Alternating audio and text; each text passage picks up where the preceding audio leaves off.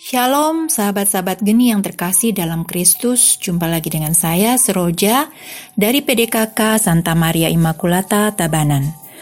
Bacaan Injil hari ini diambil dari Lukas bab 16 ayat 1 sampai dengan 8. Tuan itu memuji bendahara yang tidak jujur itu karena ia telah bertindak dengan cerdik. Mengapa Tuhan Yesus memuji bendahara tidak jujur itu? Apakah berarti Tuhan Yesus setuju dengan tindakan licik, tindakan menipu? Apakah Yesus berpihak kepada ketidakjujuran?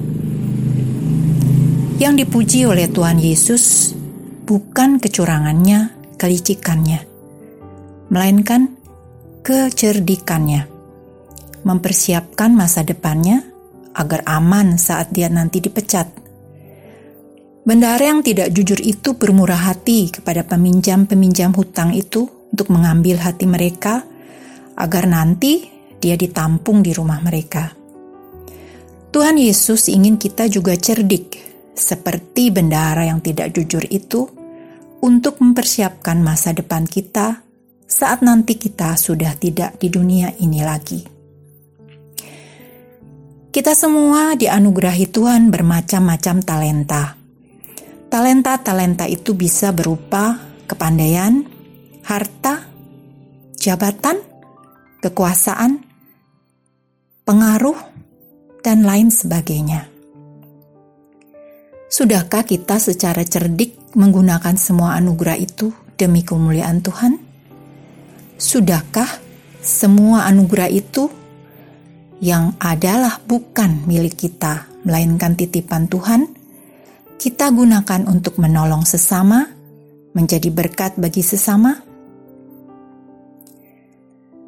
Dalam dunia serba digital seperti sekarang ini, kita dibanjiri berbagai macam informasi, bermacam-macam tips-tips sukses dalam pekerjaan, bisnis, dan lain sebagainya dengan mudah kita temui secara online hanya dengan ketukan jari-jari kita banyak orang sukses memakai tips itu untuk merencanakan masa depan mereka.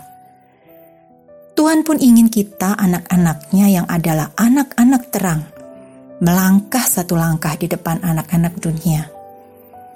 Tidak sekedar mempersiapkan jaminan masa depan demi kenyamanan, kebahagiaan, kemapanan kita semata, namun melangkah lebih jauh, lebih cerdik, dengan memanfaatkan semua talenta-talenta, kepandaian, kekayaan, kekuasaan, dan lain-lain itu semua bagi sesama, memberkati sesama, memberi arti dan dampak bagi hidup sesama, sehingga saat nanti kita tidak di dunia ini lagi, saat Tuhan memanggil kita dan menanyakan perbuatan kasih apa saja yang sudah kita perbuat semasa hidup?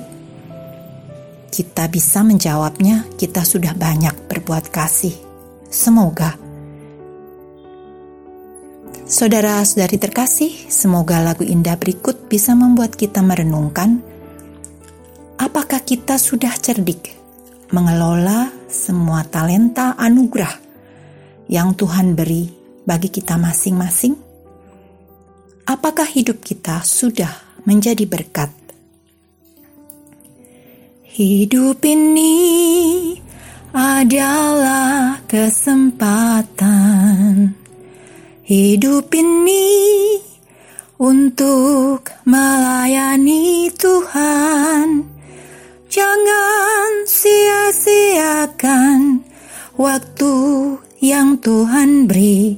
Hidup ini harus jadi berkat.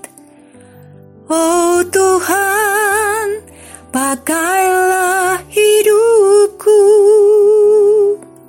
selagi aku masih kuat. Bila saatnya nanti ku tak berdaya lagi Hidup ini sudah jadi berkat. Baik saudara-saudari terkasih, demikian renungan hari ini.